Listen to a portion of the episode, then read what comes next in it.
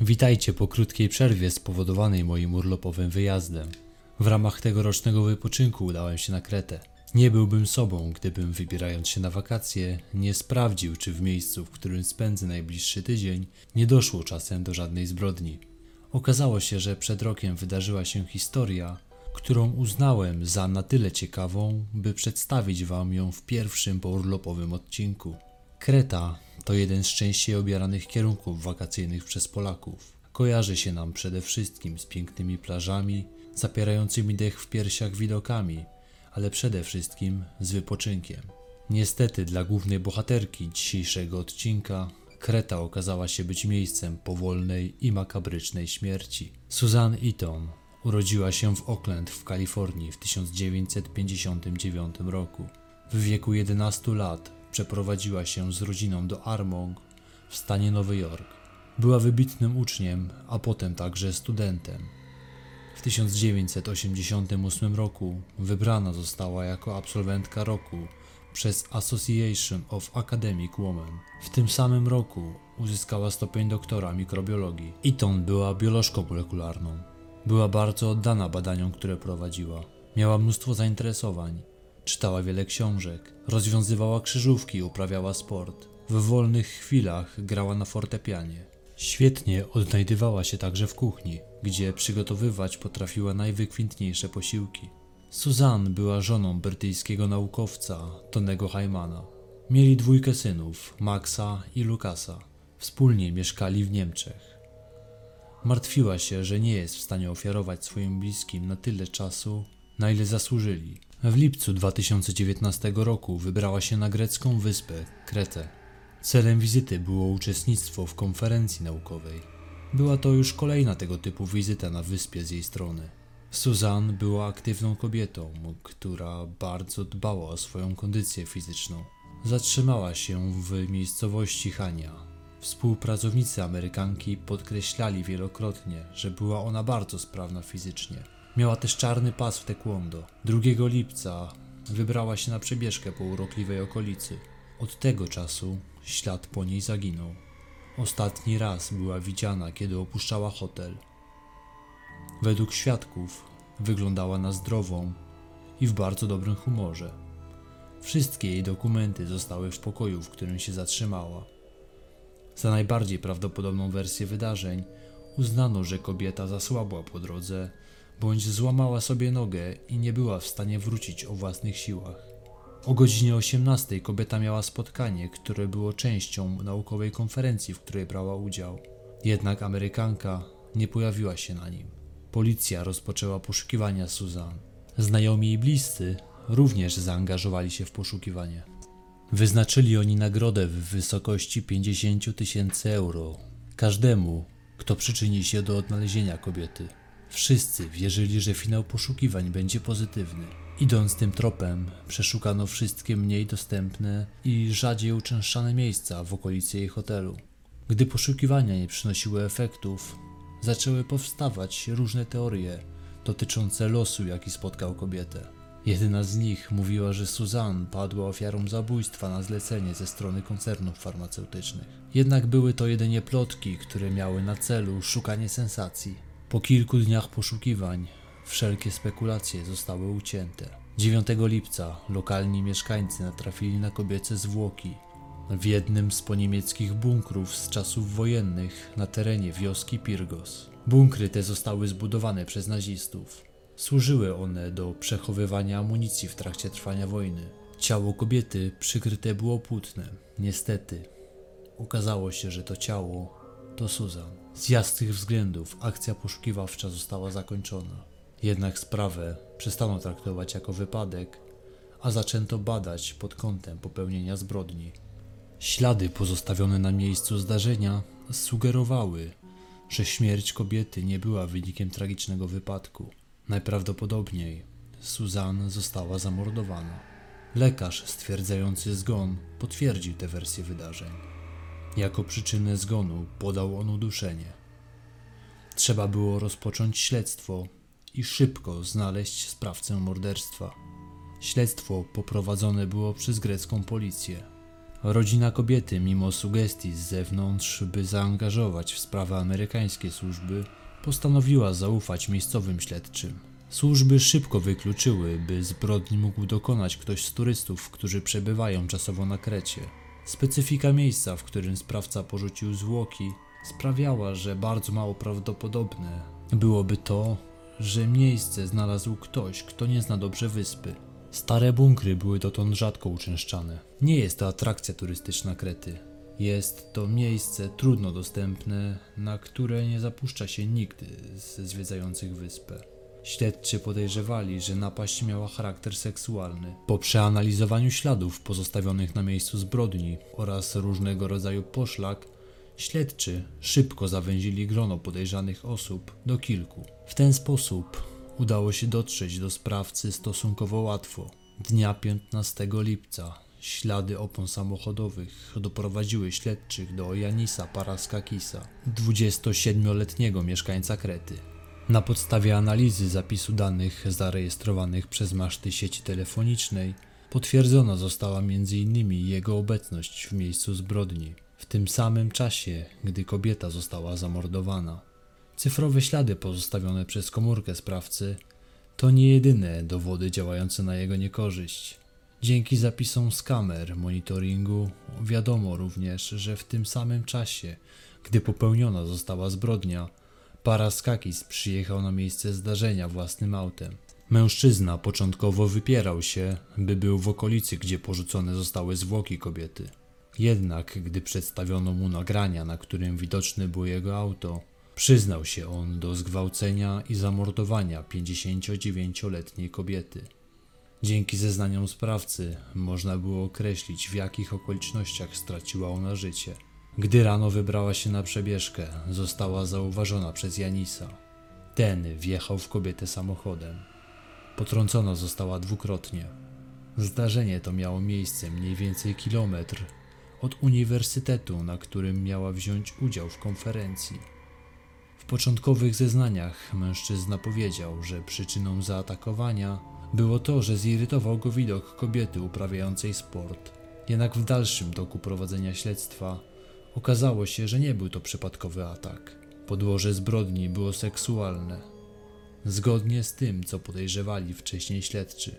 Jak sam powiedział, tego dnia wyjechał autem, by znaleźć kobietę, z którą będzie uprawiał seks. Gdy zobaczył Suzanne, zorientował się, że dookoła nie ma nikogo innego. Stwierdził, że wykorzysta tę sytuację. Wtedy postanowił wjechać samochodem w kobietę. Z zeznań wynika, że uderzył ją dwukrotnie, po to, by ją unieszkodliwić. Tak relacjonował całe wydarzenie Janis. Kiedy upadła na ziemię, mocno krwawiła. Obróciła się jednak i przyglądała mi się. Wtedy włączyłem bieg wsteczny i wjechałem w nią z całym impetem raz jeszcze. To uderzenie było na tyle silne, że ucięło jej ucho, a ona krzyczała z bólu. Suzanne po potrąceniu została wciągnięta przez sprawcę do bagażnika jego samochodu. By nie pozostawiła śladów w aucie, na spodzie rozłożył plandekę, którą miał pod ręką. Ucho wyrzucił. Ciężko ranna kobieta nadal próbowała walczyć. Jednak została zawieziona przez sprawcę do poniemieckiego bunkra. Tam brutalnie ją zgwałcił, a potem zamordował. Z zeznań sprawcy wynika, że śmierć była powolna i poprzedzona licznymi torturami. Po wszystkim zastawił wyjście do jaskiń drewnianą paletą. Policjanci odnaleźli w aucie sprawcy krew należącą do ofiary. Bezpośrednio po morderstwie Paraskakis udał się na cmentarz, gdzie starał się pozbyć wszelkich dowodów zbrodni. Po przyznaniu się do winy, wyznał funkcjonariuszom, iż sądził, że pomysł zawleczenia ofiary do starych bunkrów oraz pozbycie się dowodów zbrodni wydawało mu się być tak genialne, że sądził, iż nigdy nie zostanie schwytany. Na całe szczęście bardzo się pomylił. Należy tutaj podkreślić, że policja działała wzorcowo. Zazwyczaj w swoich nagraniach zwracam uwagę na opieszałość organów ścigania, na błędy i niedopatrzenia, do jakich dochodzi w trakcie śledztwa. Lecz w tym przypadku było zupełnie odwrotnie. Zrobiono wszystko tak jak trzeba i dzięki sumienności i zaangażowaniu śledczych szybko udało się schwytać sprawcę. Jednak to jeszcze nie koniec tej historii. W wyniku dalszych działań operacyjnych śledczy doszli do szokujących wniosków. Powiązano wcześniejszą serię napaści na kobiety z osobą Janisa Paraskakisa.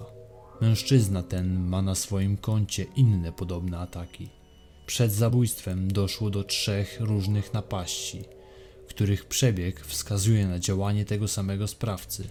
Dotychczas wszystkie ofiary uchodziły z życiem. Po wydarzeniach z lipca 2019 roku w mediach opublikowano fotografie z wizerunkiem sprawcy.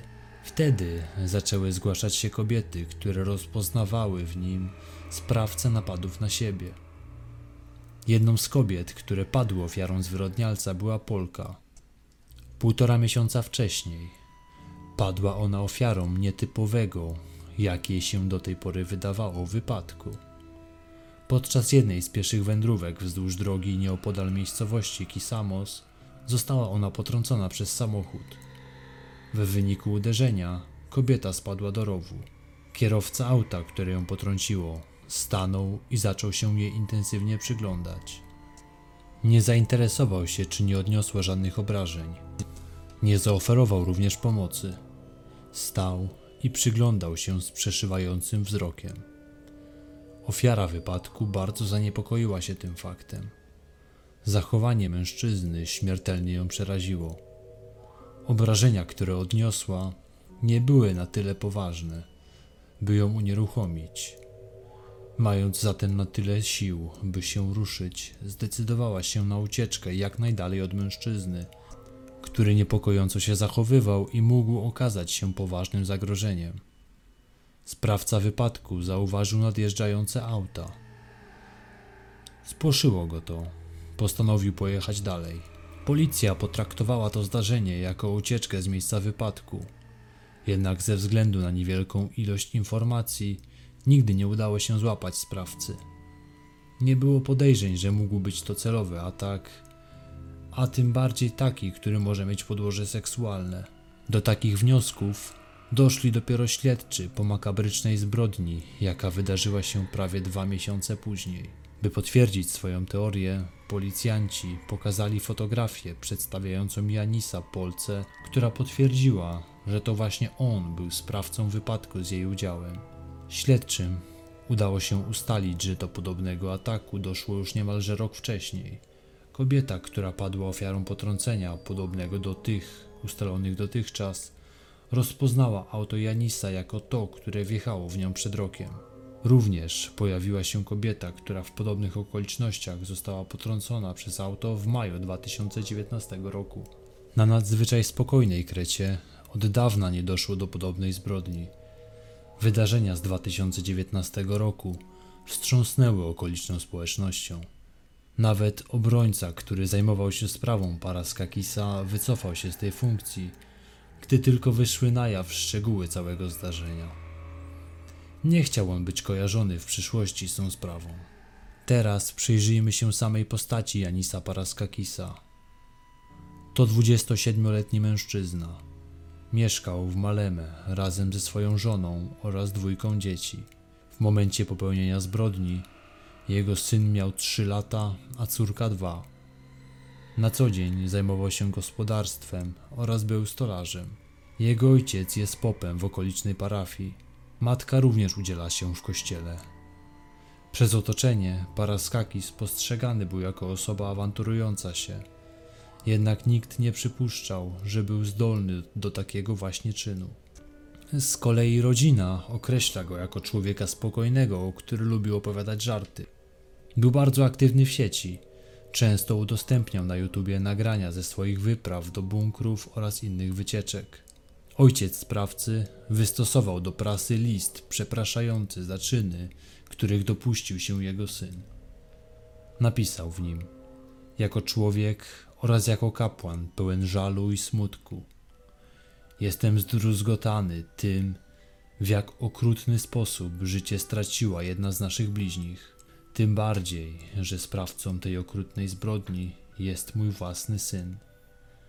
Chciałbym z całego serca złożyć kondolencje rodzinie, mężowi i dzieciom nieszczęsnej Susan Eaton. Głęboko wierzę, że Bóg zapewni im pocieszenie.